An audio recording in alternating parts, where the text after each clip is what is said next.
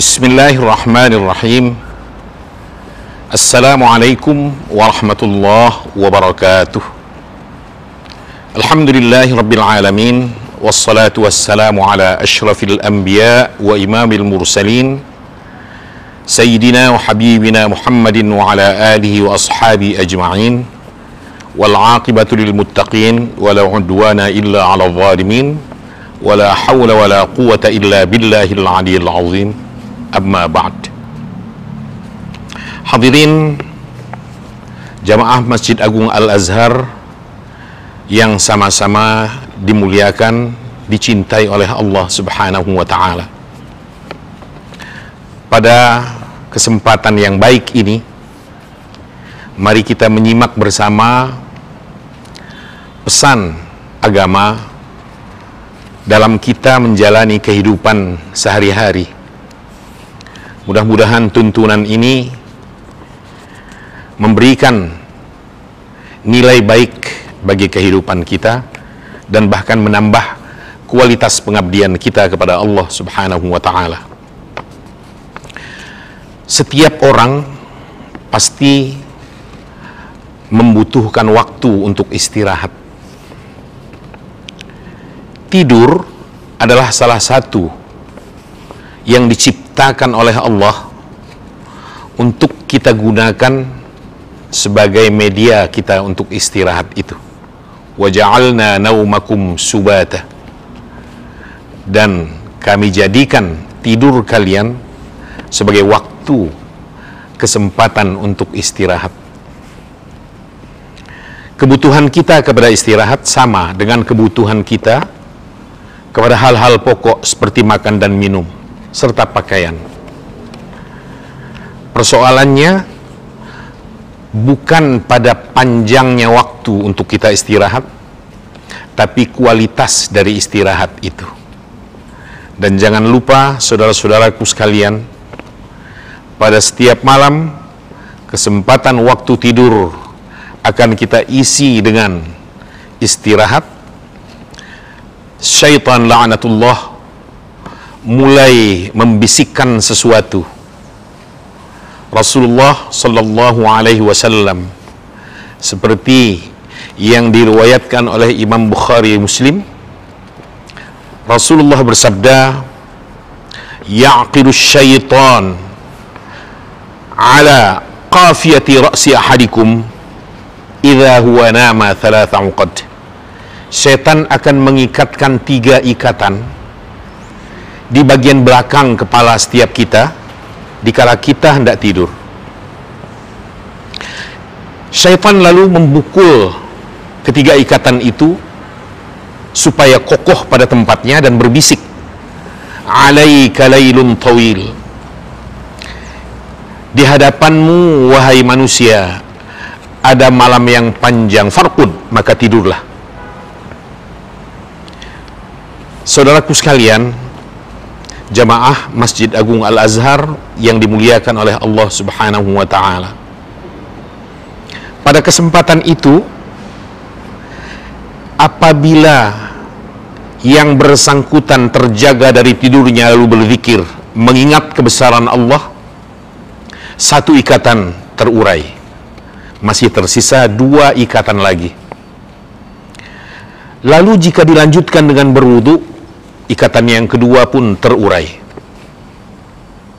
Rasulullah lalu melanjutkan, jika yang bersangkutan meneruskan perbuatannya menjalankan salat usai dia berwudu, maka semua ikatan tadi terurai.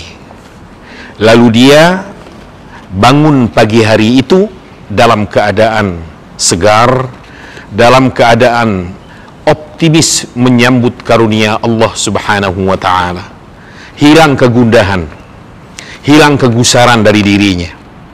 Tapi jika yang bersangkutan tidak pandai mengurai ikatan iblis itu tadi, maka ia akan bangun pada pagi hari dalam keadaan lemah, malas, dan gundah, tidak pandai menatap ke depan dan tidak pandai mensyukuri kalimat atau nikmat Allah dalam hidupnya. Saudaraku sekalian, sidang jemaah Masjid Agung Al-Azhar yang dirahmati Allah Subhanahu wa taala. Ada pelajaran penting yang kita petik dari yang disabdakan oleh Rasulullah Muhammad sallallahu alaihi wasallam ini. Satu di antaranya adalah iblis syaitan laknatullah akan terus berupaya menguasai diri setiap kita. Maka waspadalah hati-hati dengan gangguan-gangguan iblis. Inna syaitana lakum aduun fattakhidhuhu aduwa. Setan itu untuk kalian adalah musuh kata Allah. Maka jadikan ia benar-benar musuh. Ia berusaha untuk menjadikan setiap orang yang tidur malam hari terlelap dalam tidurnya sehingga ia lalai menunaikan kewajibannya kepada Allah Subhanahu wa taala. Ia lalai untuk bangun pada malam hari untuk melaksanakan salat malam. Ia lalai akhirnya karena dilelapkan oleh tidurnya untuk tilawatul Quran, bahkan hal yang paling wajib dalam dirinya salat subuh pun terbengkalai, tidak dapat dia jalankan pada waktunya. Karenanya Rasulullah mengingatkan kita semua agar pandai-pandai berzikir, mengingat kebesaran Allah Subhanahu wa taala. Isi waktu dengan banyak mengingat kemahabesaran Allah dalam hidup kita, terutama malam hari jelang kita tidur. Lalu bebaskan diri dari gangguannya dengan berwudu.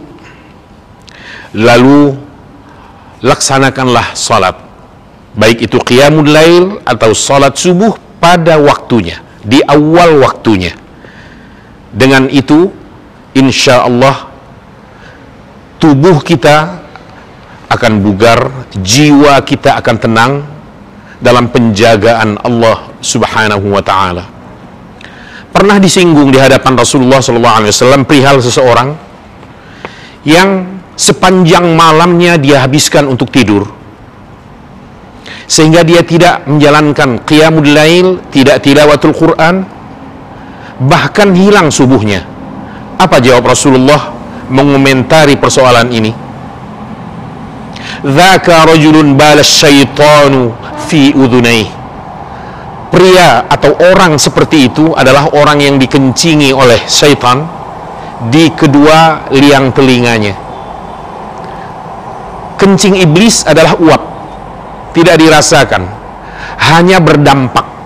Dampaknya adalah kita terlelap dalam tidur dan tidak bisa terjaga sampai hilang kewajiban kita kepada Allah Subhanahu wa taala.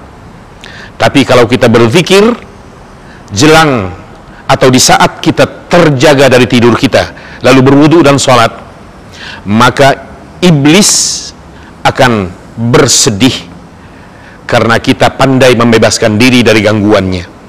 Jangan biarkan iblis tertawa karena dia menang atas diri kita.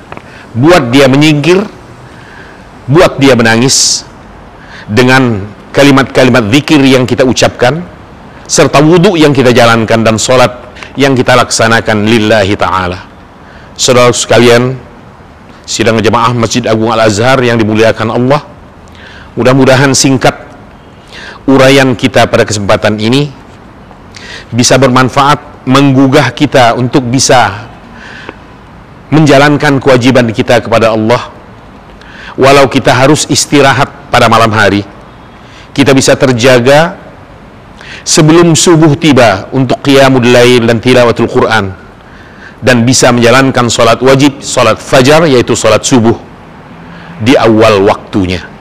Semoga bermanfaat. Semoga Allah senantiasa menjaga kita dan keluarga semuanya. Menjaga kita dan melindungi kita dari segala bisikan dan gangguan jahat iblis la'natullah alaih. Hadakumullah, jazakumullah khairan kathira. Hadakum wa iyana ajma'in. Wassalamualaikum warahmatullahi wabarakatuh.